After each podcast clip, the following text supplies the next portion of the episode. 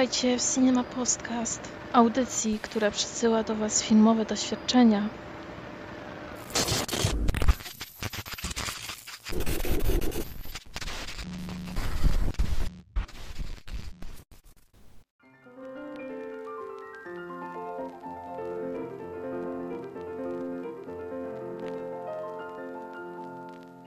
Cześć, witajcie w kolejnym odcinku Cinema Podcastu.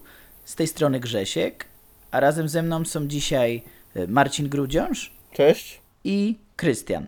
Cześć. Razem reprezentujemy pełną salę, a dzisiaj będziemy sobie rozmawiać e, o Warszawskim Festiwalu Filmowym. Podsumujemy sobie najnowszą, 33. już edycję festiwalu, e, w której mieliśmy przyjemność uczestniczyć. Mm, Ja oczywiście w tym podcaście będę pełnił rolę neofity festiwalowego. Mm, Chłopaki już mają większe doświadczenie trochę. No właśnie, jakie jest Wasze doświadczenie, jeśli chodzi o uczestnictwo w warszawskim festiwalu? Ile już edycji macie za sobą? E, Jeśli dobrze pamiętam, to będzie moja piąta albo szósta edycja, e, gdzie pierwsze edycje, no to, to były raczej takie sporadycznie, w znaczeniu cztery wybrane filmy, plus, e, plus jakiś spontaniczny wypad ewentualnie, e, gdzie nie planowałem iść na festiwal, ale po, po spotkaniu się ze znajomymi to uznaliśmy, że dobra, to może na jakiś film pójdziemy, coś tam z tego programu sobie wybieraliśmy. E, no, ale już, e, już na edycji 3 lata temu e, zdecydowałem się obejrzeć grubo ponad 10 filmów. Tutaj niestety, niestety nie ma mowy o jakichś karnetach. Rok temu postanowiłem sobie obejrzeć wszystkie filmy z konkursu głównego, plus jeszcze jakieś tam inne, które mnie interesowały i wyszło sumarycznie około 30 filmów. E, w tym roku, no, mimo, mimo akredytacji, po prostu z braku czasu, trochę mniej, ale, ale i tak kilkanaście filmów. Więc no, powiedziałbym, że, że od dobrych czterech lat y, całkiem intensywnie uczestniczę w festiwalu. Dwie poprze- poprzednie edycje to raczej tak, że, jakiś bardzo głośny tytuł, czy, czy jakiś film, który mnie e, interesował formą, tak jak pamiętam Alois Nebel, który był taką czeską animacją, ale ale animacją, y, która, że tak powiem, nie ma nic wspólnego z kinem familijnym, co wówczas było dla mnie czymś nowym. Mhm. Okej, a, y, a Ty, Krystian? E, Jak przyglądałem się e, dzisiaj e, na historii, to wydaje mi się, że pierwszym filmem, jaki pamiętam, że widziałem na warszawskim festiwalu jest Skrzat z 2005 roku. Więc wychodziłoby to już 12 lat temu. E, Pierwsze edycje to po prostu wybierałem może jeden, dwa filmy przez kilka lat, to już było liceum, czy może już studia nawet. E, Chodziliśmy ze znajomymi. Wtedy był szał na, na kino czeskie, więc stąd właśnie ten skrzat czeski. Później z czasem wydaje mi się, że, że mogłem mieć rok albo dwa przerwy i od może pięciu, pięciu lat e, około to już tak jest kilkanaście filmów. To tak może się na początku zwiększało sukcesywnie i teraz e, myślę, że regularnie około kilkunastu filmów. W tym roku, jeśli dobrze liczę, było to 17 filmów. Mhm. No to fajnie w sumie, że, że, już, że już macie tak, mm, takie bogate e, doświadczenie mm, z tego festiwalu. A dlaczego lubicie tam wracać e, do niego? Co jest, co jest fajnego na tym warszawskim, e, że, że jednak się, się wraca, się wybiera te filmy? Czy to jest repertuar, czy to jest może atmosfera? Bo, bo ja, no ja, ja się nie będę wypowiadał za bardzo na ten temat, bo to była moja pierwsza edycja, więc akurat mi się trafiło, że bilety można już było zamawiać online, czyli rozwija się pod tym względem, idzie do przodu. Bo mogłem sobie odebrać bilety w kasie wcześniej już opłacone, nie musiałem stać w tych gigantycznych kolejkach. No, y, ale o samym festiwalu ma, mało mogę powiedzieć, bo nie mam porównania, a, ale właśnie powiedzcie mi, dlaczego warto tam według Was jednak uczestniczyć co roku? Czy chodzi tylko dlatego, że macie blisko, że mieszkacie w Warszawie, czy, czy, czy właśnie o repertuar, czy może jeszcze o coś innego? Właśnie tak zaczęło się o tym, dlaczego ten festiwal i to jest mniej więcej jakby, jakby wziąć po prostu ze stadionu Legii losowego warszawiaka i zapytać, czemu chodzi na Legię, no bo, bo jest z Warszawy i jakby prawdopodobnie jako tam, czy, czy to dzieciak, czy, e, czy nastolatek poszedł pierwszy raz zabrany przez kogoś, a, a potem już sobie nie wyobraża, żeby nie chodzić, tak? I trochę tak jest z warszawskim festiwalem, że tak jesteś sobie gdzieś w liceum i myślisz, o lubię filmy, oglądasz sobie w telewizji na DVD te podziemne kręgi Ojca Chrzestnego i tak powoli to odkrywasz, potem idziesz sobie po Warszawie i widzisz gdzieś plakat, festiwal filmowy, no to człowiek myśli, lubię filmy, to pójdę i, potem się okazuje, że zostaje tam na lata, tak? A, a jednocześnie jakby człowiek yy, nabiera tego takiego sentymentu, że z czasem właśnie sobie nie wyobraża odpuszczenia kolejnej kolejnej edycji, no bo skoro zawsze się chodziło, to czemu w tym roku miałbym nie pójść, tak? No właśnie, ale gdy y, myślisz, że gdybyś mieszkał gdzieś od, w oddaleniu jakimś dużym od Warszawy, to byś był w stanie jeździć i pokonywać jakieś tam e, kilkaset kilometrów co roku dla tego festiwalu? No szczerze mówiąc nie wiem, bo, bo w porównaniu do Nowych Horyzontów, y, na które to widać zresztą gołym okiem, że ludzie przyjeżdżają na ten festiwal spoza Wrocławia, termin jest słaby, bo nie wakacyjny. Zresztą październik też no, dla studentów jest to dosyć taki intensywny okres, bo jakby jeszcze człowiek nie wie na co może sobie pozwolić, żeby, żeby odpuścić które przedmioty e, na początku października, więc podejrzewam, że na studiach chociażby byłoby ciężko, żeby, żeby wyrwać się i pojechać na festiwal na dłużej niż na weekend. Nie mam pojęcia, czy, czy gdybym nie był z Warszawy, e, wybrałbym się na ten festiwal kiedykolwiek, ale też trzeba przyznać, że wydaje mi się, że twórcy nie są nastawieni na, na widza przyjezdnego, oczywiście z wyjątkiem gości specjalnych, no bo gdyby byli nastawieni, to, to prawdopodobnie terminy byłyby inne. A z tobą jak jest, Krystian? Za co lubisz ten warszawski festiwal? No myślę, że też e, tak jak u Marcina jest u mnie dużo sentyment. Był to pierwszy festiwal, e, na którym, e, w którym uczestniczyłem. Moje pierwsze odkrycia kina arthouse'owego, kina festiwalowego. No później oczywiście już zacząłem odkrywać inne festiwale i dostrzegać pewne wady warszawskiego festiwalu filmowego. E, Jednakże uważam, że nadal e, łatwo tutaj trafić na naprawdę świetne filmy. E, Często e, wystawiam tutaj e, 10 na 10, no, aczkolwiek no, są oczywiście te wady, tak? E, Brakuje tego karnetu, e, przez co e, trudniej jest jak gdyby wejść głębiej w festiwal, obejrzeć więcej filmów i co też utrudnia widzowi przyjezdnemu uczestniczenie. Przy kilkudziesięciu filmach robi się to już spory, spory wydatek. Dużo, dużo więcej to kosztuje niż y, karnety na innych festiwalach, takie pojedyncze bilety, bo y, zauważyłem przynajmniej, że bilety jednak są dość drogie. W zeszłym roku wydałem, e, w zeszłym roku wydałem sporo więcej, jakieś 70 zł więcej, co za karnet nowohoryzontowy na warszawskim, a wydaje mi się, że widziałem jednak mniej filmów niż mogę zobaczyć na karnecie nowohoryzontowym. E, Co jeszcze chciałem powiedzieć? No trochę inna jest też specyfika w porównaniu do innych, innych festiwali w Polsce. E, To, co warto zaznaczyć, że jest to jedyny festiwal w Polsce, który jest zrzeszony w organizacji, której jest również Cannes, Wenecja, więc jest to jakby taka pierwsza liga tych festiwali e, uniwersalnych, więc no, może oczywiście do Cannes, Wenecji, Berlina jeszcze daleko, ale powoli, powoli zaczynają twórcy zauważać Ale to jest, y, można powiedzieć, że to jest najbardziej prestiżowy festiwal w Tak, Polsce. jest to tak, najbardziej jeśli mówimy prestiż o konkursie względem. głównym, to jest, to jest najbardziej prestiżowy i najlepszy konkurs. Jeżeli patrzymy na tytuły, to e, moim zdaniem są zdecydowanie lepsze tytuły niż, niż w konkursach na Horyzontach czy Image. Nie zgodzę się z tym, że jest najlepszy, ale ma tą e, zaletę, że większość tutaj filmów jednak jest premierowo. Są to premiery międzynarodowe, światowe, więc pod tym względem na pewno nie ma w Polsce konkurencji, że są to filmy e, świeże. A pozostałe festiwale jednak wybierają dużo więcej filmów z innych festiwali. Czy to z Cannes, czy to z, z Rotterdamu, czy z innych. Przez to te konkursy są już takie bardziej wybierane, ale myślę, że myślę, że mogą być te też i lepsze. No z tym, że Festiwal Warszawski jest festiwalem uniwersalnym i ciężko tu porównywać z festiwalami specjalistycznymi, tak? Nowe Horyzonty e, to jest trochę, trochę inny rodzaj festiwalu, bardziej jak, e, jak e, Rotterdam, czyli specjalność filmów bardziej awangardowych, tak? Więc konkurs na Nowych Horyzontach nie celuje, żeby to były filmy najlepsze, tylko e, filmy odkrywające nowe drogi, więc tutaj też ciężko porównać, tak? No już, a już Pięć Smaków to już w ogóle, to musi być specyfika e, kina e, azjatyckiego, tak? Więc też zupełnie co innego, tak?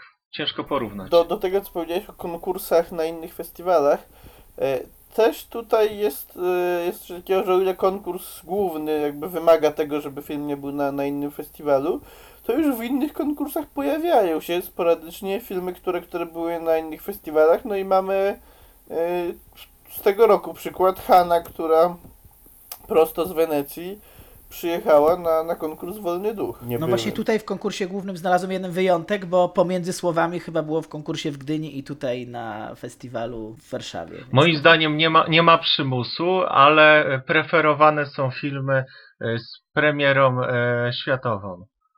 No i, no i bardzo dobrze, bo dzięki temu jakby ilu festiwali byś w roku, w roku nie zjeździł, to nie ma tego ryzyka, że spojrzysz w program e, warszawskiego festiwalu, jakkolwiek absurdalnie to nie brzmi, patrząc na to, jak, jak niszowe są tytuły, spojrzysz w program i mówisz, a wszystko widziałem, no a e, zdarzają się festiwale w mniejszych miastach, gdzie no widzisz, że, że, że jest jakiś przegląd filmowy czy festiwal, a jeżeli jesteś widzem, że tak powiem, właśnie festiwalowym, to nagle się okaże, że w programie nie ma tytułów dla ciebie nowych, mimo że tam jest wszystko z, tego roku, tak? Wszystko przed premierą kinową, ale no po prostu może być odtwórczy.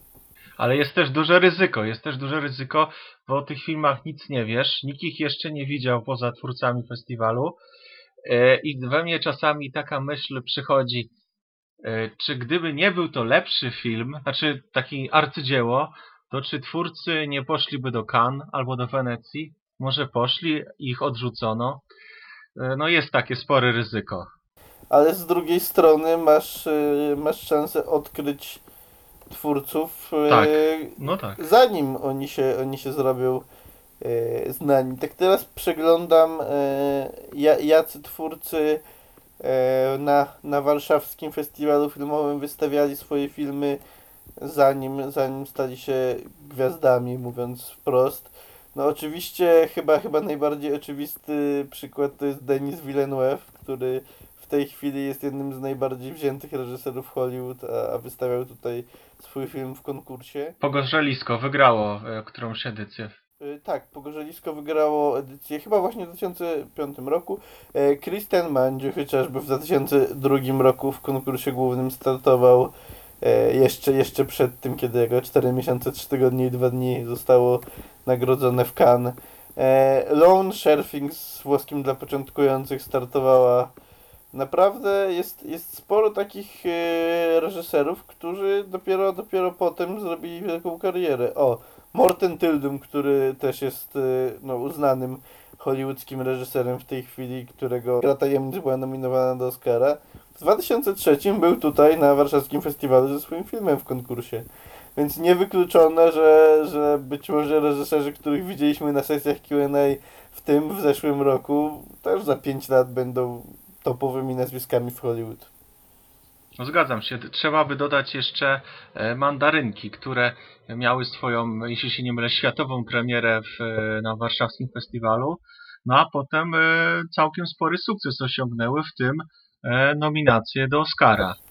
Tak, i był, był powrót w tym roku reżysera, natomiast y, powrót, który rozczarował. Myślę, że tutaj y, można już o tym mówić wprost, patrząc na, na opinie znajomych moich i, i moją. Ale ogólnie, tak jak patrzę, to niewiele tych filmów chyba trafia do dystrybucji w Polsce, albo przynajmniej nie, niezbyt szybko. Mówię o filmach konkursowych. No, zazwyczaj zwycięzca trafia Zgadza. i, i filmy polskie. Bo właśnie y, mam wrażenie, że te sekcje na, tutaj na, na tym festiwalu są bardziej czytelne. Zawsze jak szedłem na jakiś film, doskonale wiedziałem z jakiej on jest sekcji i czego mniej więcej się mogę po nim spodziewać. Znaczy nawet na przykład sekcja Wolny Duch to są chyba właśnie takie filmy najbliżej nowohoryzontowych, przynajmniej ja sobie tak, tak tłumaczę, nie wiem czy, czy dobrze, ale Znaczy, sekcja Wolny Duch to jest z jednej strony Nowe Horyzonty, a z drugiej to, co na Nowych Horyzontach się nazywało Nocnym Szaleństwem. E, Bo, bo naprawdę zdarzają się takie, które gdybym wrzucał je do programu horyzontowego, wrzuciłbym je tylko i wyłącznie w Nocne Szaleństwo.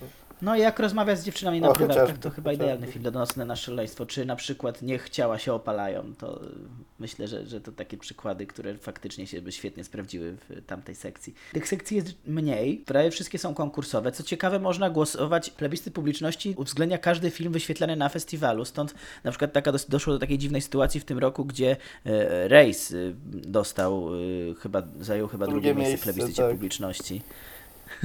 Co, co mnie troszkę rozbawiło, no ale, ale okej. No ja też, ale jakby nie mogę powiedzieć, że jest to niezasłużone. No. To już jest taki klasyk żelazny, że mało kto chyba tego nie widział. No, Tak, no, porządku. być może zagraniczni turyści, którzy, którzy się pojawili i pomyśleli, że jest szansa obejrzeć kultowy polski film z angielskimi napisami. E, Ciężko, ciężko powiedzieć, kto głosował na rejs. Z wynikiem nie, nie polemizujemy, no, był jaki był. No. Po, jeżeli już bym poszedł na rejs do kina, rzeczywiście chciałem go obejrzeć w kinie, pewnie też bym zagłosował na niego, że to bardzo dobry film. Wracając jeszcze do tych sekcji, to wydaje mi się, że one są ułożone po prostu analogicznie, tak jak są sekcje w Cannes czy w Wenecji. Jest ten konkurs główny i obok jest e, konkurs bardziej eksperymentalny. W Cannes jest to e, Un certain regard, nie znam francuskiego, ale mam nadzieję, że w miarę dobrze wymówiłem. E, w Wenecji jest to konkurs Horyzonty. Nawet w Gdyni zrobiono niedawno taki konkurs poboczny, wyleciała mi niestety nazwa, ale jest taka druga sekcja konkursowa i właśnie w Warszawie jest ten konkurs międzynarodowy, do tego jest konkurs właśnie Wolny Duch, czyli e, ta bardziej nowohoryzontowe, tak jak jest właśnie nazwa Horyzonty w Wenecji. No tutaj ten konkurs jeszcze tych debiutantów, czy powiedzmy drugich Tak, filmów konkurs jest. pierwszy, pierwszych, Mhm. drugich filmów. Nie wiem, to, to zawsze był ten konkurs też? E, Odkąd pamiętam to, to od wielu et... Ja też również. Jednakże no, tutaj jeszcze chciałem powiedzieć, e, no, brakuje mi tych sekcji tematycznych, które są e, na Nowych Horyzontach, jak już tak trochę o tych wadach rozmawiać. Dla mnie przynajmniej ta uniwersalność jest zarówno olbrzymią zaletą, jak i olbrzymią wadą. E, no, lubię jednak taką, e, jak festiwal ma jakąś tożsamość.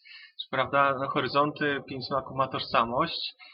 Kan nie ma tożsamości, znaczy no ma tożsamość powiedzmy gwiazdorską, tak? Więc tutaj byś, nie ma takiego czegoś, czym się od razu kojarzyło. No może mi czasami mówię, że to jest taki festiwal film kina środka, bo jest też dużo takich filmów, które spodobałyby się szerszej publiczności, tylko po prostu są na przykład e, ze Słowenii albo e, z Rosji czy, czy z Wietnamu, e, a, nie ze Stanów, dlatego nie trafiają do dystrybucji. Jednakże no, ja bym dorzucił jakąś retrospektywę. No, ostatnio pojawiła się sekcja Polska Klasyka, która jest taką powiedzmy mini retrospektywą. Chciałbym, żeby twórcy festiwalu poszli tą stronę i zrobili jakieś jeszcze sekcje dodatkowe tematyczne, retrospektywy. E, To oprócz e, karnetów e, chyba najbardziej mi brakuje. Ale no, powiedziałem trochę o wadach, to jeszcze powiem o zaletach. Chciałbym pochwalić, że, że powiedzmy widzowie wiele lat walczyli o to, żeby festiwal się trochę bardziej rozwinął, żeby można było kupić bilety tylko nie, nie w kinotece czy w Empiku, ale również przez internet. Pierwszy raz jeszcze skromnie, ale w tym roku ruszyła ta sprzedaż internetowa.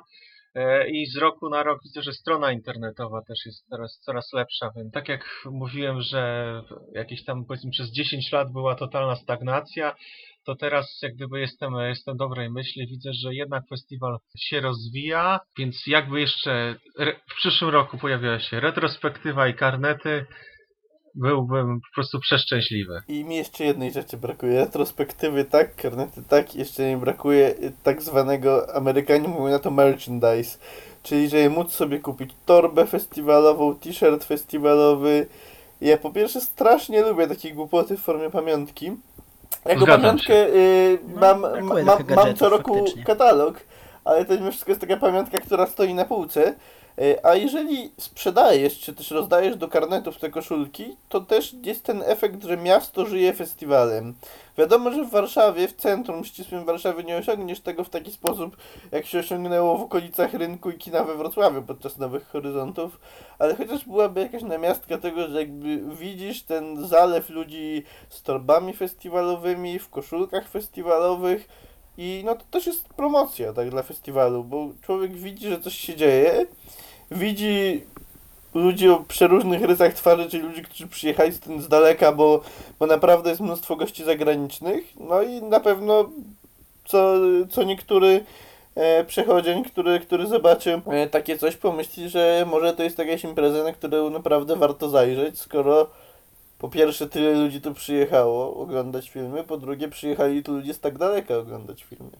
Tu ci powiem, że w tym roku pierwszy raz zauważyłem torby z logo warszawskiego, ale wydaje mi się, że tylko e, dziennikarze, akredytacje czy goście mieli do nich dostęp, bo Raczej rzeczywiście... goście, bo przecież my mieliśmy w redakcji dwie akredytacje i ani ja, ani Marcin nie mieliśmy torby, więc, y, więc raczej goście specjalni. też powiedzmy specyfika multikina jest taka, że jest to multiplex, że dużo ludzi jednak przychodzi na seansę niestety, no może nie dużo, ale trochę przychodzi z popcornem. E, troszeczkę tutaj może to zabija e, klimat, ale no z drugiej strony mamy świetną jakość projekcji, no więc e, coś za coś, więc nie wiem, czy w, w Warszawie tak duży festiwal e, pomieściłby się w jakichś innych kinach. No cieszy chociaż ta obecność kinoteki. Mówiąc o multikinie, też chciałem wspomnieć, że tak uwielbiam sam, salę numer jeden multikina. E, w sensie to, jak wielki jest ekran, jak dobry tam jest dźwięk. Tego kino Nowe Horyzonty jest takim e, właśnie kinem, które łączy te dwie rzeczy. Jakość, przy tym, że pozostaje klimat e, taki typowo festiwalowy. Dlatego ludzie na, tak, tak lubią to kino, ale No tak, ale takiego kina nie mamy w Warszawie. no nie mamy. Więc dlatego musimy się zadowolić tym, tym, co jest. Wcale nie jest to jakieś ostatnie, tak jak Marcin powiedział, ta sala jedynka rzeczywiście robi wrażenie. Tak, mm, słucham tego, co mówicie i faktycznie, yy, faktycznie bardzo mi się podoba to, że mogłem sobie zobaczyć na tym festiwalu filmy właściwie z całego świata. Yy, Przekrój był ogromny i tego mi brakowało właśnie, bo w dystrybucji rzeczywiście mm, te filmy są dosyć ograniczone. Mamy przeważnie filmy, nie wiem, z Ameryki, z, z Wielkiej Brytanii, z Polski, z Francji, a, a reszta to już stanowi pewną egzotykę zawsze. I to są też filmy, które się dobrze ogląda. No na przykład w zeszłym roku bardzo ciekawy kryminał z Węgier. No tylko tyle, że z Węgier, dlatego mało kto po prostu nie, nie obejrzy tego, no bo Węgry, no to, Tak, no dlatego, to nie, nie ma Brada Pitta, tak, w No obsadzie, no to co będę oglądał, tak? No tak, tu się nie idzie na aktorów, więc idziesz przede wszystkim dla, dla filmu. Ale no dużo ludzi niestety odrzuca to przyzwyczajonych do, do języka angielskiego, choćby na ekranie. Ale trzeba przyznać, bo mówisz, że, że nie idzie się dla aktorów, e, idzie się dla filmu. W sekcji sek pokazów specjalnych są i znane nazwiska reżyserów. E, No i już e, o aktorach nie wspominając, bo był i w u Lantimosa Colin Farrell, Nicole Kidman, w innym filmie był, James Franco chociażby, Elle Fanning. Więc trochę tych aktorów, które, które, że tak powiem, zwykły zjadać popcornu, jak to się czasami pisze, e, na pewno odróżnia i na ulicy by poznał, tak? Gdyby przyjechali na festiwal i właśnie sobie siedzieli przy, przy multikinie w Burger Kingu, to zauważyłby, że to chyba Colin Farrell, nie? No dlatego, na, znaczy no na każdym festiwalu jest jak gdyby taka sekcja, właśnie ona się nazywa jakoś pokazy specjalne, czy pokazy galowe na Nowych Horyzontach i tam zawsze jest trochę więcej hitów, e, powiedzmy, czy tam w Horyzontach Scan, tutaj e, też powiedzmy jakieś znane nazwiska, też kilka filmów Scan, no ale jednak e, no nie, nie są to blockbustery, tak, są to filmy bardziej znane, większa szansa, że ktoś e, z ulicy przyjdzie, no ale nie jest to powiedzmy taka hollywoodzka e, pierwsza liga znanych nazwisk, zazwyczaj, tak? Mówię właśnie o tych filmach, y, że, że fajnie było je obejrzeć, tylko że ja na przykład porównując z Nowymi Horyzontami, no to mm, tam byłem na urlopie, więc, więc to co innego, a tutaj po pracy sobie wieczorem po prostu szedłem na, na jeden czy dwa filmy codziennie i y, nie byłem w stanie doświadczyć tego festiwalowego klimatu, no jakiegoś, zab- zabrakło mi trochę właśnie, mm, tak jak Marcin powiedziałeś, nie, nie widziałem, żeby miasto żyło tym festiwalem, ale no może, może jakbym, jakbym przyjechał do Warszawy turystycznie i, i y, sobie siedział w tej kinotece czy w tym multikinie cały dzień, to, to bym tego jak, jakimś tam stopniu mniejszym lub większym doświadczył, nie wiem. Porozmawialiście sobie z obcymi osobami na temat tego festiwalu, na temat filmów, jakieś takie no, no wiadomo, y, chodzi, mi, chodzi mi o rzeczy, które, które jakoś ludzi zrzeszają ze sobą, wspólne zainteresowanie, że jesteśmy tutaj razem kinomanami i jesteśmy na tym festiwalu, nie? Bardzo sporadycznie zdarzało się porozmawiać, ale to, to zupełnie nie to, co Nowe Horyzonty, zupełnie. Mhm. Bo, bo jest takie w ogóle miejsce, gdzie mogą się kinomani spotkać, powymieniać e, opinie, oprócz, oprócz e, nie wiem, baru multikinie, w multikinie czy w kinotece, bo e, chyba, chyba w pałacu jest klub Jest, festiwalowy w jest. Pałacu W kafe, Kultury, w kafe tak? kulturalnej był klub festiwalowy, ale no nie wiem, mam wrażenie, że klub festiwalowy to jest, to jest raczej takie miejsce spotkań już twórców niż samych kinomanów. Bo twórcy przybywają bardzo licznie na warszawski festiwal, to też trzeba, trzeba powiedzieć.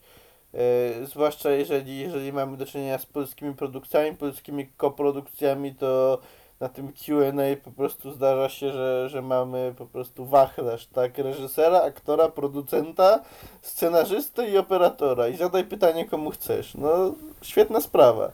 I No to jest świetna sprawa, rzeczywiście. No ja akurat tego nie doświadczyłem, bo e, z tych wszystkich filmów, na jakich byłem, tylko jeden film, e, Człowiek z magicznym pudełkiem, był ze spotkaniem z reżyserem, z twórcami, więc, więc tutaj słabo trafiłem, ale, ale po waszych e, relacjach wiem, że, że dużo jest tutaj jakichś e, spotkań z twórcami, tak? Po, filmach. Bo prelekcji chyba nie uświadczymy raczej, czyli jakichś takich e, nie, nie, pogadanek ale to, przed filmem. To też nie ma sensu, bo jakby wiemy, że widz festiwalowy ma swój plan festiwalu i no zrobić prelekcję przed filmem to prostu rozsierdzisz widzów, którzy mają bilety na cztery kolejne filmy i nagle plan się sypie. No prelekcje nie mają sensu, moim zdaniem, na festiwalu.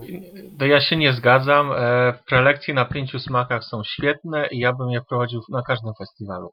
Są krótkie, treściwe i e, coś, coś e, dodają, powiedzmy, do Okej, filmu. nie, jeżeli, jeżeli, Kontekst. jeżeli prelekcja jest krótka, w sumie na Nowych Horyzontach były prelekcje do retrospektywy Riveta czasem i faktycznie to były prelekcje w znaczeniu 5 intensywnych minut.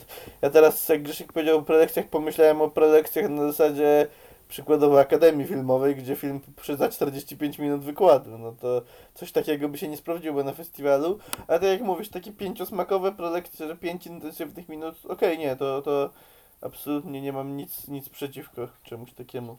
No tylko właśnie no, na pięciu smakach jest ta specyfika, że jest na przykład sekcja tematyczna, e, powiedzmy Shion Sono i na prelekcji można dodawać coś e, o jego życiorysie, o twórczości, nawiązywać z filmu na filmu. Tutaj każdy film jest zupełnie inną historią e, i tego filmu jeszcze praktycznie nikt nie widział, byłoby trudniej, no ale myślę, że byłoby to do wykonania jak najbardziej. Ja bym to widział. Nieraz prosi się twórcy o kilka słów, tylko no wiadomo, twórcy On nie powie. bywają różni. Niektórzy mówią po prostu enjoy the screening i, i z uśmiechem na ustach odchodzą, e, inni powiedzą trzy słowa, no No ja właśnie lubię jak e, lubię te sekcje tematyczne, które są na ich festiwalach, e, że czegoś nowego się uczy, jakiś nowy temat, e, czy to o westernach, czy, czy właśnie czy jakieś retrospektywy, więc tutaj tego najbardziej mi brakuje. A jeszcze wracając do pytania e, Grześka o ten klimat, no, e, no tutaj jeszcze, jeszcze raz, te, te karnety, gdyby były karnety, to więcej ludzi by przyjeżdżało, by się czuło, by więcej osób obcowało, a tak zbyt dużo osób po prostu przychodzi na jeden film, e, jeden, dwa filmy i tyle. I to są ludzie przypadkowi, którzy nie znają nazwisk reżyserów, powiedzmy tak przyszli, bo zobaczyli plakat na ulicy. E, No, chciałbym, żeby to jednak e, bardziej tutaj było jakieś życie festiwalowe E, i to w Warszawie może się udać, tak jak w przypadku na przykład Pięciu Smaków. No nie jest to tak jak powiedzmy na Nowych Horyzontach, ale na Pięć Smaków ludzie biorą urlopy. Sam, sam brałem i jakby da, da się to zrobić. ja brałem na warszawski, na pięć smaków nie brałem, więc to zależy jakby od osoby, no co Mhm. kto woli. No, no, jeszcze gdyby na warszawskim powiedzmy te poranne seanse, jest ich bardzo mało. To też widać, że, e, że jednak e, twórcy wiedzą, że przyjdą ludzie z Warszawy wieczorem. E, więc jakby trochę więcej tych se- seansów porannych było, gdyby no więcej ludzi było z zewnątrz, to by bardziej to wszystko ży- żyło. Ale jeśli ktoś lubi takie powiedzmy lżejsze kino, to, to myślę, że, że warto, warto e, przyjść na warszawski. No. Czyli idealny festiwal, jeśli to ma być twój pierwszy festiwal, w jakim uczestniczysz, tak? no tak, u mnie się sprawdził. Za, mnie zachęcił do innych. U mnie też. te, no myślę, że tak, bo mi się na przykład jakoś mnie do tej pory, znaczy no ja właściwie się mało interesowałem może wcześniej kinem festiwalowym, ale do tej pory y, ten warszawski festiwal kojarzył mi się właśnie z, raczej z jakimiś ciężkimi y, raczej rzeczami, y, z, z, z takim kinem z jakichś tam, nie wiem, wschodnich rejonów, zaangażowanym społecznie, a tutaj się okazuje, że wcale nie, że wcale nie, nie, nie tylko takie filmy są, więc, więc ja też ten festiwal ogólnie Polecam, na pewno, na pewno będę uczestniczył y, w przyszłych latach. No już teraz to już nie ma dla mnie odwrotów. Za głęboko w, w tym zaszedłem.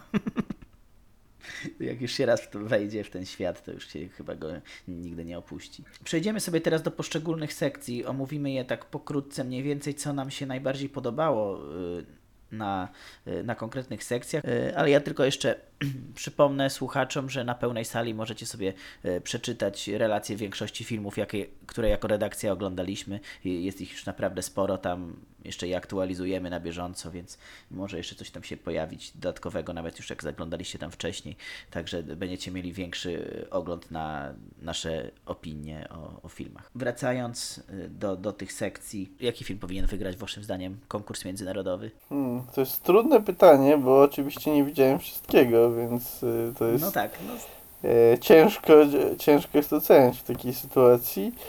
E, natomiast na pewno film, który wygrał, czyli Zabić Arbuza, był w czołówce tegorocznej. Tutaj nie mam wątpliwości. No kurczę, z tych, których widziałem, a widziałem tych filmów pięć, to to był najlepszy film, więc mogę powiedzieć, że jury dobra robota, chociaż jeżeli to faktycznie najlepszy film, to konkurs stoi na gorszym poziomie niż, niż rok temu, bo rok temu były spokojnie trzy filmy, które były moim zdaniem znacząco lepsze od niego. E, gorzej już jeśli chodzi o, o film, który dostał wyróżnienie za nagrody aktorskie, bo widziałem e, bombę i nie mogę powiedzieć, że mi się podobał, no po prostu. film to film z filipiński, Filipiński, dokładnie. Tak. tak? A, a ty, Krystian, jak uważasz? E, No, widziałem e, Zabić Arbuza. Powiedzmy, uznaj ten film za, za dobry, za niezły. E, Podobał mi się, ale bez rewelacji. E, No, jak gdyby troszeczkę przeszkadzało mi e, jednak e, ta cała skromność przedsięwzięcia. Może w tym, powiedzmy, tym, tym złym znaczeniu, takie na przykład scenie, kiedy samochód staranował stoisko, to poczułem, że to jednak troszeczkę jest sztuczne, ale no, jak mówię, podobał mi się tylko w ograniczonym stopniu i dwa filmy z tych, co widziałem konkursu podobały mi się bardziej, może nie dużo bardziej, ale jednak widziałbym je prędzej jako zwycięzcę. E, Są to Balkan Noir i, i Górnik. E, Oba oceniłem na, na 7 na 10, więc tutaj też się zgodzę z Marcinem, że nie było w konkursie żadnych e, rewelacyjnych filmów spośród tych, co widziałem. Tak jak na przykład rok temu Serce z kamienia było dla mnie po prostu objawieniem. No i dla Marcina chyba też z tego. Tak, dla mnie tak samo, więc tu się zgadzamy w 100%. No właśnie, oczywiście, no, być może coś, coś rewelacyjnego kryło się e, pośród innych filmów. E, Dobre opinie e, słyszeliśmy pewnie wszyscy o nowym filmie Urszuli Antoniak, który zdobył nagrodę jury ekumenicznego, e, których e, wyróżnienia zawsze sobie cenię. Jakoś zazwyczaj trafiają e, w mój gust. Mm, No ale też widziałem kilka filmów, które oceniłbym e, niżej niż e, e, zabić e, Arbuza. Tutaj ten film, który dostał nagrodę za reżyserię z Gabrielem Garcją Bernalem, gdybyś mu zajrzał w serce, no dosyć, dosyć ckliwy i melancholijny. Ale całkiem sympatyczny. I na uboczu e, turecki, turecki film, e, który no, chyba bardziej pasowałby do sekcji e, Wolny Duch. Okej. No ja się, jeśli chodzi o zwycięski film Zabić Arbuza, to ja, ja się z tą zgadzam, że to jest niezły film, ale no chyba nie na tyle, żeby, żeby mu, mu przyznał nagrodę. Y, To jest bardziej, ten film moim zdaniem bardziej by się sprawdził jako sztuka teatralna chyba.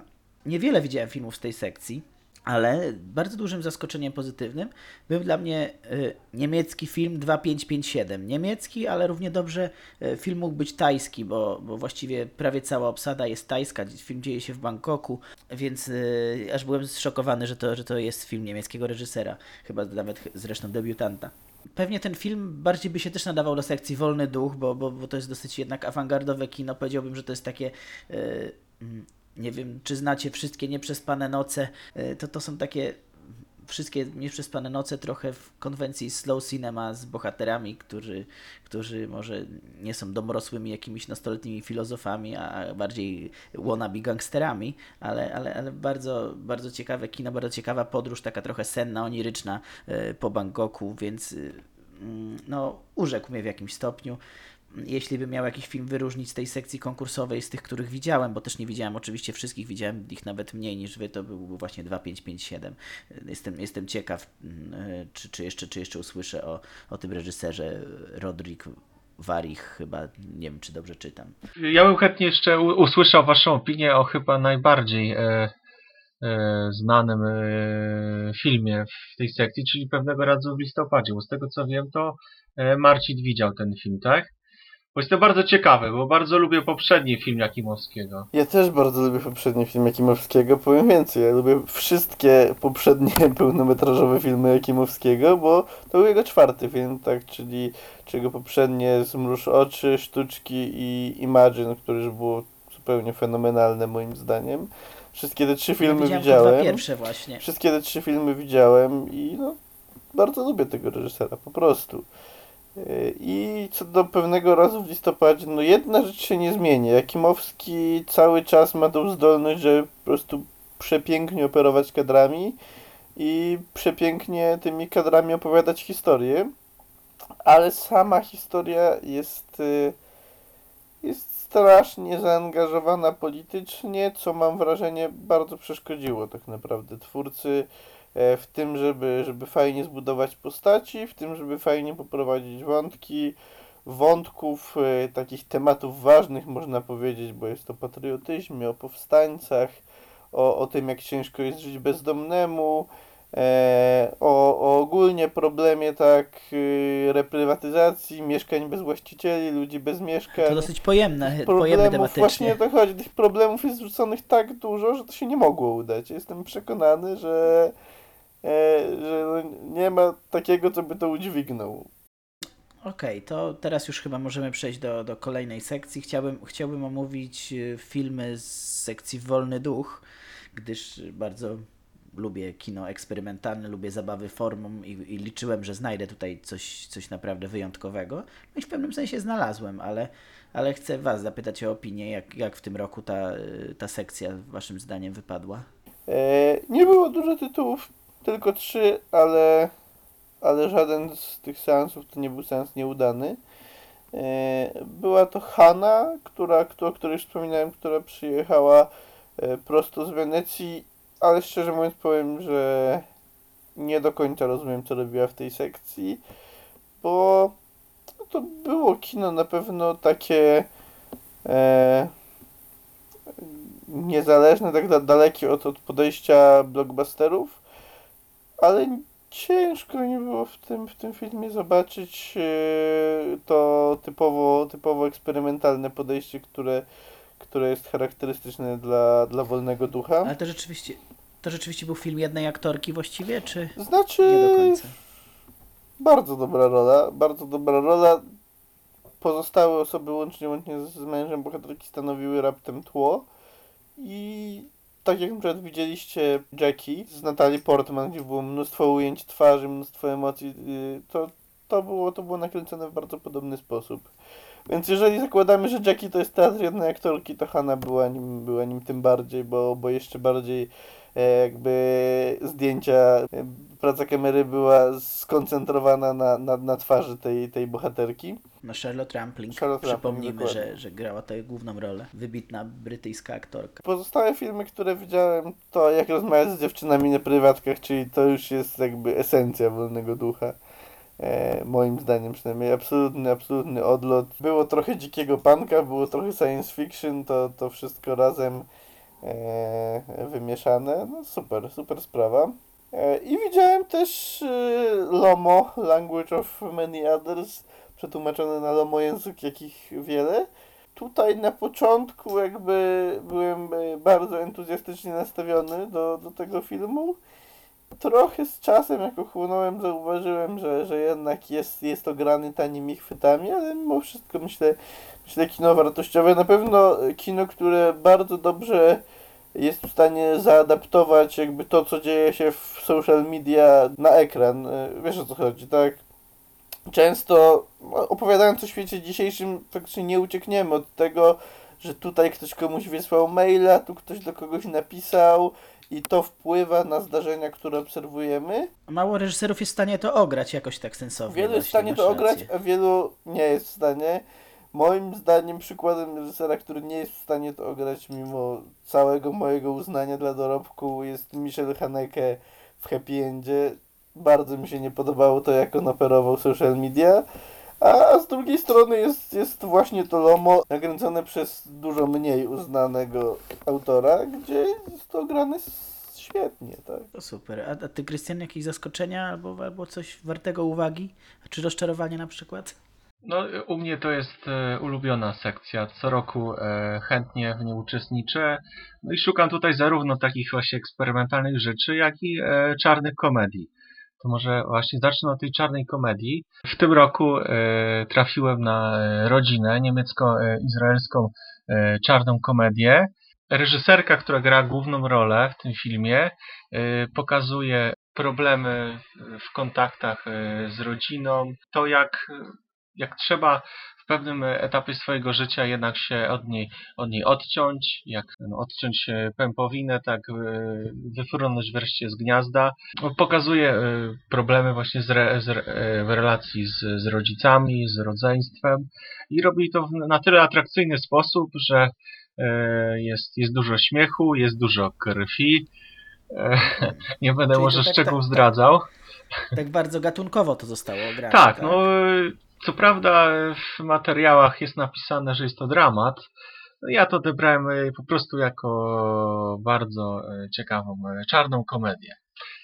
Myślę, że jest to właściwy sposób odbioru i właśnie to wpasowuje to w, sekcję Wolny Duch, w której bardzo często są naprawdę dobre czarne komedie. E, Natomiast mimo wszystko naj, najlepszym filmem e, z tej sekcji, według mnie i nie tylko według mnie, bo e, film dostał nagrodę jury, są zasady wszystkiego. Z jednej strony noworodzowy, z drugiej bardzo atrakcyjny dla widza, też pełen humoru, pełen nietypowych sytuacji, po prostu pełen energii takiej filmowej, że tak powiem, tryskający tą energią. Taki troszeczkę filmowy esej.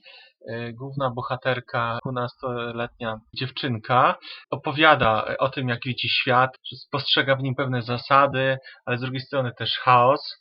E, Spotkała ją e, tragedia, śmierć ojca. Próbuje sobie z tym jakoś poradzić i robi to w, w przeuroczy sposób zauważa pewne takie rzeczy, których już my po prostu tyle lat y, żyjemy, znaczy więcej od nich w każdym razie. I wydaje się nam to takie oczywiste, a ona to zauważa i w taki bardzo błyskotliwy sposób. E, no i widać w tym filmie ten cały chaos, jaki, jaki rządzi światem, że z jednej strony matka tej dziewczynki e, chodzi do terapeuty, ale ten terapeuta jest na, na tyle nieudolny, że ona sama mu pomaga, jak montować te jego filmy terapeutyczne, jak założyć kanał na YouTubie. Też e, są różne takie poboczne wątki, właśnie tak jak życie skacze z miejsca na miejsce, to tak na, nagle przenosimy się do innej bohaterki, która jest przewodniczką wycieczek, której autokar przejechał ojca głównej bohaterki i jej kryzys obserwujemy i potem, kiedy ona się z nim uporała i znowu zaczęła, e, no znowu prowadzić te wycieczki, to znowu jej się coś przegrego trafia. No i takie jest życie. I to wszystko jest tak urocze, tak śmieszne, że po prostu mimo to pozytywne, z pozytywną energią się wychodzi z seansu, a przy tym no, muzyka, zdjęcia, wszystko jest na swoim miejscu. Naprawdę polecam. Mam nadzieję, że będę miał okazję jeszcze go zobaczyć, bo to jeden z tych seansów, których najbardziej żałuję, że, że mi się nie udało. No, ale, ale myślę, że, że jeszcze kiedyś będzie okazja. Było w tej sekcji również kilka innych ciekawych filmów. E, Kilka takich już e, wybitnie nowohoryzontowych, na przykład Elysium Fernalsiense. E, No, film dosyć specyficzny, no, nie do końca spełniony, ale myślę, że jeśli ktoś na warszawskim potrzebuje jakichś eksperymentów, e, to na pewno e, warto było się na to wybrać. E, Filmem, który dostał wyróżnienie, była Droga 318. Tak, to film, który, do którego miałeś chyba duże oczekiwania, bo pisałeś o nim w e, artykule o oczekiwaniach na pełną salę. I, i co, spełnił oczekiwania, czy nie do końca? spełnił oczekiwania. Może nie był, powiedzmy, e, rewelacją. Trochę było nietypowe podejście do, do tego, że wolny duch, tak? Myślałem, że może forma będzie jakaś niezwykła. E, Forma była bardziej tradycyjna. Myślę, że tutaj ten wolny duch był bardziej w takich mentalnych rzeczach, że, że bohaterki potrzebowały ukojenia, spokoju, czy nawet wolności, tak? E, Wybrały się na tą piękną trasę w Tybecie e, do świątyni, tak? Gdzie musiały się rozliczyć wewnętrznie ze swoimi problemami, ze swoimi błędami, które popełniły w przeszłości. No rzeczywiście było to, było to ciekawe, a przy tym te przepiękne zdjęcia krajobrazów robiły swoje. Więc myślę, że też mogę polecić. No ja e, też nie, niewiele filmów z tej sekcji widziałem, ale wspomnę o, te, o takim, o, o którym żaden z Was nie wspomniał, a myślę, że jest warty uwagi. E, To jest film Niech ciała się opalają, duetu reżyserskiego e, francuskiego Helen Cadet i Bruno Forzani. Nie wiem, czy dobrze wypowiadam nazwiska, także z góry przepraszam. Oni są znani właśnie z e, bardzo dużych szaleństw formalnych. Ja nie widziałem ich poprzednich filmów, ale, ale nasz kolega redakcyjny Maciek Kowalczyk widział i bardzo, bardzo szanuje. Wiem, że on polecał w każdym razie ten film i dzięki jego rekomendacji poszedłem i w sumie nie żałuję, choć to przede wszystkim no tutaj ta forma wychodzi na pierwszy plan, bo, bo fabułę można by streścić chyba w jednym zdaniu, gdyż to jest e, po prostu zapis strzelaniny gdzieś, gdzieś na, na południu Francji, o ile się nie mylę. Ale wszystko, ale jest ograne to tak, jakby to był, nie wiem, Meksyk, czy, czy jakiś kraj gdzieś na dzikim zachodzie, bo to jest tak bardzo w westernowym stylu ograne, a do tego jest jest w ogóle tak świeżo zmontowane, właściwie na, prawie na samych zbliżeniach oczu, ust, broni. Y, Dźwiękowo jest świetnie ograne, słychać każdy szelest, trzeszczenie skóry y, przy poruszaniu się bohaterów. Po prostu jest film, który został zrealizowany na, na samych właściwie szczegółach. Często nawet trudno się połapać w akcji, trudno dostrzec, co się właściwie dzieje w tym filmie. Ja, przynajmniej ja się pogubiłem w nim w pewnym momencie, mimo że fabuła jest prosta jak drut, ale, ale formalnie on mi się tak podobał. Ten montaż, te kadry, muzyka było naprawdę świetne. Trochę jak Sergio Leone, ale taki podkręcony o 100%. Film właśnie trochę horyzontowy, można powiedzieć, ale bardzo szalony. Idealny do nocnego szaleństwa. Wszystko porównujemy z horyzontami, nie wiem dlaczego. No to dwa największe festiwale w Polsce. W każdym razie, no ja, ja też polecam, jeśli będziecie mieli okazję gdzieś ten film dorwać, to, to, to jak najbardziej. Widziałem właśnie jeszcze, także mogę się przychylić do opinii Marcina na temat jak rozmawiać z dziewczynami na prywatkach. To też jest, też jest szalony, ciekawy film, chociaż zupełnie inaczej szalony niż ten, o którym wspomniałem. Ale, ale jeżeli będzie gdzieś, gdzieś w dystrybucji, czy, czy gdziekolwiek, to, to też warto się nim zainteresować. Wartą omówienia sekcją jest sekcja pokazów specjalnych, gdyż tam e, mogliśmy zobaczyć właściwie największe hity festiwalu. Niektóre bardzo oczekiwane przez nas i myślę, że nie tylko przez nas. Kluczowym filmem e, tej sekcji, a może nawet kluczowym filmem całego festiwalu dla e, szerszej publiczności był film, który w Polsce jeszcze nigdzie nie był niewyświetlany na żadnym festiwalu. Film, który e, trafił na, na, do Warszawy Cannes. Nowy film Lantimosa. Zabicie Świętego Jelenia, na który chyba wszyscy czekaliśmy i co, i nas chyba nie zawiódł, patrząc po waszych ocenach. No, dla mnie to numer jeden tego festiwalu, mimo że film bardzo ciężki dla mnie, chociaż spełniony. Dla mnie nie numer jeden, aczkolwiek ścisłem top 2. Przede wszystkim to jest, to jest emocjonalna bomba. To jest film, który nie jestem w stanie wyobrazić sobie widza, który byłby w stanie przejść koło niego obojętnie, którego ten film by nie zaangażował emocjonalnie. To jest szalenie mocny film. Co więcej powiedzieć? Kurczę, trzeba zobaczyć, no bo czego bym nie powiedział, to będę to, będę to spoilerował i i trochę psuł, psuł odbiór komuś, kto by, kto by do tego filmu, filmu chciał podejść. Tak, ja się z Tobą zgadzam, że, że tutaj nie ma z, sensu zbyt dużo mówić o tym filmie, bo ja o nim na przykład nic nie wiedziałem właściwie, nie znałem nawet zarysu fabuły i, i śledziłem cały seans naprawdę z zapartym tchem. Ja tylko powiem, że jest też oprócz tego, że zniszczył mnie emocjonalnie, nie jestem pewien, czy pozytywnie, czy, czy na mnie jakieś negatywne skutki mojej psychice czasami nie, nie wywołał, bo, bo jest naprawdę mocny, ale, ale jest przy tym świetnie nakręcony, świetnie właśnie formalnie też. Taki trochę kublikowski klimat przyszedł do głowy. Warto, no idźcie na niego. Krystian, chcesz coś dodać na temat tego filmu? E, No, mi się też, e, też bardzo podobał e, prowadzenie kamery niesamowite, jak e, szła za bohaterami korytarzami O, tak, w tych, szpitala. tych korytarzach Niesamowite. Muzyka bardzo nietypowa, nieprzewidywalna. Ogólnie klimat e, mrożący krew w żyłach.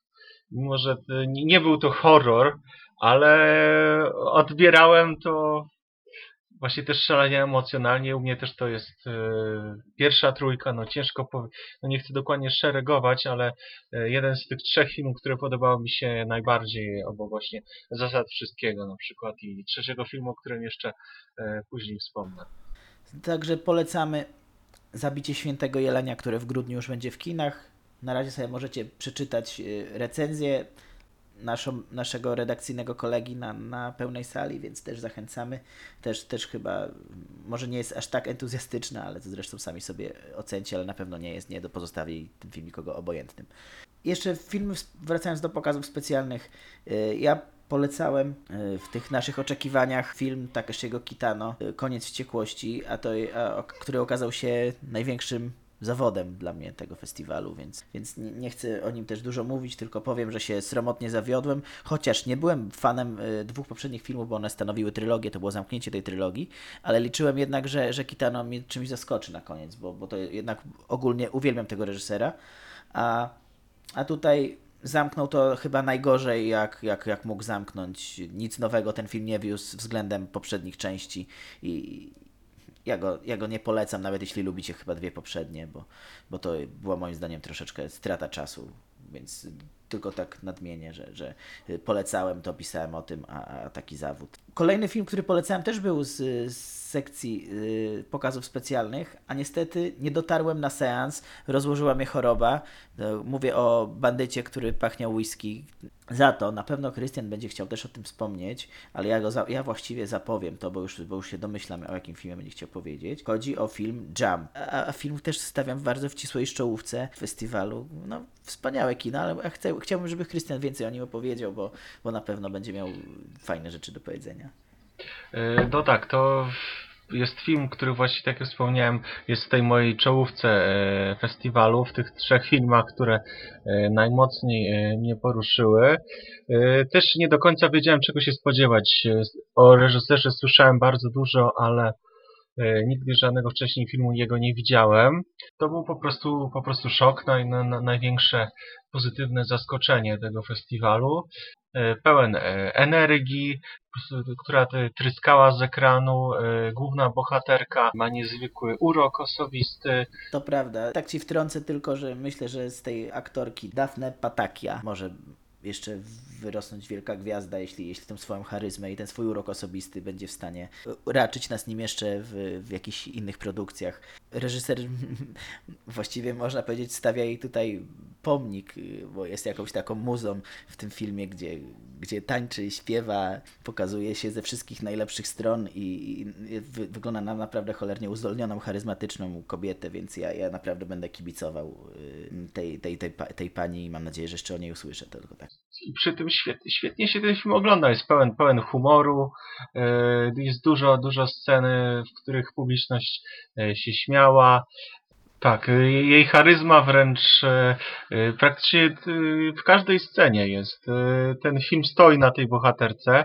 Jakby tak prób- próbować interpretować, to myślę, że jest to przede wszystkim film o wolności, o celebracji codzienności, o cieszeniu się zwykłymi rzeczami, więc stąd też muzyka, stąd taniec, celebracja właśnie ciała, e, energii, e, a przy tym też e, reżyser e, nie boi się e, dotykać takich trudnych tematów, jakim na pewno dla, jak dla Greków na pewno jest e, relacja z Turcją, która przez e, wiele, wiele lat przecież była okupantem Grecji, a tutaj ta muzyka, którą e, bohaterka wykonuje, jest właśnie taką e, naleciałością turecką. E, I też podróżuje do Turcji, spotyka tam e, Turków. Więc bardziej szuka tutaj cech wspólnych yy, dla, Tak, niż, tak. niż jakichś różnic, Mhm. prawda? To, to też jest fajne. Jeszcze porusza jakieś takie kwestie społeczne, tak bardzo, bardzo delikatnie, z wyczuciem, jak kwestie kryzysu właśnie ekonomicznego w Grecji, yy, kwestie imigrantów też, też są poruszane, ale, ale w bardzo, bardzo subtelny, ale, ale ciekawy sposób. Nie, naprawdę yy, film, film jest świetny i myślę, że jeżeli też będzie okazja, bardzo bym chciał, żeby trafił do polskiej dystrybucji, bo myślę, że, że też mógłby znaleźć swoich zwolenników bardzo wielu. No jest to jeden z filmów, których na, na pewno trzeba odbierać e, przede wszystkim sercem, a, a nie rozumem, tak? Tak, myślę, że tak, że to trzeba czuć, bo to jest film, który tak sobie swobodnie płynie po prostu. Ja mogę na pewno powiedzieć e, jeszcze o moim e, największym, myślę, zawodzie e, tego festiwalu. Jest to film, który polecałem dla, dla pełnej sali. Nowy film Marty Meszaros, Zorza Polarna. No, myślałem, że, że po tak uznanej twórczyni no, mogę się spodziewać czegoś, co mnie powiedzmy zauroczy, tak? E, lubię też e, temat II wojny światowej, e, tematykę historyczną, jak również kino węgierskie, tak? No, Bela Tar chociażby. Spodziewałem się po tym filmie dosyć dużo, chociaż już pewne sygnały wyczuwałem w trailerze, że może być tu pewne ryzyko. Dodatkowymi atutami miały być e, ponadto zdjęcia e, polskiego operatora Piotra Sobacińskiego juniora, którego zdjęcia widziałem chociażby w Idzie. No niestety film, mimo że porusza bardzo e, ciekawy temat i, trudny, gwałty na, na lokalnej społeczności przez okupanta hitlerowskiego i te wszystkie losy tych kobiet po wojnie, często które te kobiety rodziły dzieci, był temat, co z tymi dziećmi zrobić, czy, czy dziecko, e, że dziecko nie jest winne temu, kto, kto jest e, ojcem e, i gdzie urodzić. Jest to temat tabu. Często w klasztorach te, te panie rodziły. Pewnie też dużo aborcji zostało przeprowadzonych, więc dosyć drażliwy, trudny temat. No niestety reżyserka e, ubrała to w zbytnio przesycony taką ckliwością, melodramatycznością obraz. Jakoś tak odczuwałem pewną sztuczność e, w, tej całej sytuacji. No nawet ciężko powiedzieć dlaczego, tak? Myślę, że przydałaby się większa subtelność w opowiedzeniu tej historii. Ja miałem przyjemność obejrzeć w ramach festiwalu mm, dwa dokumenty. Gatunek, którego zawsze unikałem, zawsze mnie raczej nudziły dokumenty, a tutaj okazał się, jeden z nich przynajmniej, okazał się y, właśnie też w ścisłej czołówce. To jest polski dokument y, Hugo o relacji sześcioletniego chłopca ze swoim dziadkiem. Mieszkają oni na obrzeżach Poznania y, w opuszczonym wesołym miasteczku, właściwie szczątkach wesołego miasteczka, które, które ten dziadek niegdyś prowadził. Był bardzo z tego znany w okolicy, ale coś się, coś się wydarzyło, że, że przestało to prosperować należycie. Łączy się z tym tragiczna historia śmierci jego córki, czyli matki chłopca i, i faktu, że jego e, ojciec, y, Chińczyk zresztą, przebywa w hiszpańskim więzieniu, także nie ma się kto tym chłopcem zająć y, i, i ten, ten y, pan się nim zajmuje. Jak na dokument, to zostało to podane bardzo, bardzo subtelnie, ale, ale też wyraziście. Relacja właśnie tego, tego dziadka z tym, z dzieckiem, jak, jak w najlepszych filmach włoskiego neorealizmu. Tak, tak mi się nawet skojarzyło z jakimś Desicą, czy, czy bardzo wczesnym Fellinim. Troszeczkę, tak nawet, nawet i ten, ten klimat tego opuszczonego, wesołego miasteczka, jakby to gdzieś przenieść do Włoch, to idealny film tamtych czasów, właściwie można było fabułę zrobić. Ale, ale naprawdę emocjonalnie ta historia mnie bardzo, bardzo poruszyła, a, a, fa, a fakt jeszcze, że napisało ją życie, do, jeszcze jej dodaje, to dosyć smutna historia Myślę, że, że ten film będzie gdzieś tam nawet w telewizji pewnie dostępny, bo, bo reżyser, zresztą debiutujący y, dokumentalista, nawet nie liczył z tym, że, że, żeby będzie to jakoś szeroko dystrybuowane, więc chyba to miał być nawet film telewizyjny pierwotnie, ale jakoś się znalazł na tym festiwalu i moim zdaniem bardzo słusznie, chyba nawet dostał jakieś wyróżnienie. E, drugi dokument to e, AlphaGo o, o pojedynku w chińską grę w Go maszyny, maszyny właściwie sztucznej inteligencji z, z mistrzem e, tej dziedziny. Tematyka jest ciekawa, bo trzeba sobie jakby powiedzieć czym było, czym było to całe go i tak jak na przykład zdarza się, że, że ludzie wyznaczają pewne etapy, tak była, była, no to jest, to jest najprostsze porównanie, była misja kosmiczna, no i mówiło się, że, że misja kosmiczna się skończy wtedy, kiedy człowiek po raz pierwszy postawi, postawi stopę na Księżycu. Jest, jest to rozwój sztucznej inteligencji. Gary Kasparow już no, kilka ładnych lat temu e, po raz e, pierwszy y, przegrał arcymistrz szachowy z, z programem.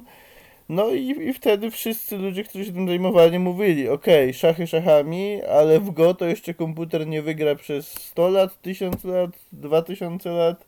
No i, i teraz się dzieje, że, że jednak trochę, mm, trochę było w tym przesady, tak? Bo, bo stało się to na pewno 10 lat, 10 lat wcześniej niż zakładano.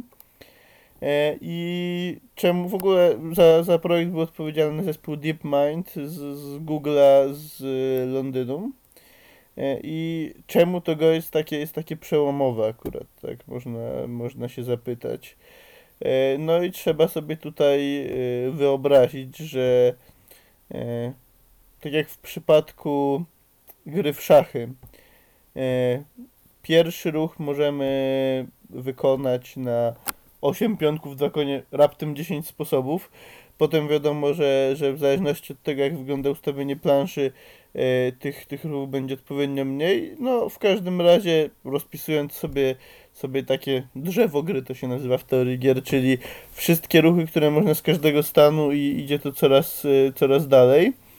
E, wychodzi na to, że no, tak jak w, w szachach mówi się, że to trzeba zasymulować setki tysięcy sytuacji, e, tak w Go są naprawdę grube miliardy i też w tym filmie pada takie porównanie, że łatwiej byłoby nam zasymulować cały świat co do atomu, czyli de facto to, o czym, o czym też się mówi od dawna w symulacjach komputerowych, że, że gdyby się udało tak symulować cały świat, e, to w ogóle moglibyśmy góry przenosić, tak mówiąc e, całkowicie potocznym językiem. E, no, więc, więc mamy coś, gdzie no, nie zasymulujemy wszystkich zdarzeń, nie zasymulujemy wszystkich ruchów do przodu. Komputer musi wykazać się czymś, co mówiło się, że komputery nie mają kreatywnością, twórczym myśleniem, samodzielnym myśleniem. No i co? I ktoś był w stanie udowodnić, że jednak hola hola, komputer jednak to wszystko nie tyle ma, co, co może mieć, jeżeli stoją za nim odpowiednio kreatywni ludzie, którzy są w stanie go tego nauczyć. No i, i to chyba tyle. No po prostu to jest, y, to jest coś jak lądowanie na Księżycu. Nie, nie takie... Yy, nie jest tak, spektakularne tak, tak dosłowne i spektakularne do, dokładnie, jak, jak to, co yy, zrobił Armstrong, postawienie stopy na Księżycu, ale to jest yy, to jest epokowe wydarzenie. Jestem przekonany, że, że kolejne pokolenia mm, badaczy, ludzi zajmujących się sztuczną inteligencją będą do, do tego zdarzenia nawiązywać i opowiadać o tym jeszcze przez długie lata. A, a jak to zostało podane w formie dokumentu? Zostało podane świetnie. Zostało podane tak, że, że kompletny laik zrozumie wszystko, a ktoś taki jak ja, kto zajmuje się informatyką, algorytmami no, od kilku ładnych lat, y, też nie wyjdzie i nie powie, ale głupot nagadali. No więc czego chcieć więcej w zasadzie. Także też polecamy. No dobrze, to chyba będziemy się zbliżać ku końcowi tego nagrania. Podsumowaliśmy mniej więcej cały festiwal. Oczywiście będziemy tam za rok. Y, polecamy chyba obejrzenie chociaż paru filmów. Jeśli macie blisko, to tym bardziej. Ja już sobie nie wyobrażam, żeby nie, nie zajrzeć. To z naszej strony chyba tyle. No i żegnamy się z Wami. Dzięki za wysłuchanie. Do usłyszenia w kolejnych podcastach. Dziękuję Wam, chłopaki, że ze mną pogadaliście tutaj. Yy, przedstawiliście jako eksperci od, od festiwalu swój punkt widzenia. No i to tyle. Trzymajcie się. Cześć. Cześć, na razie. Cześć.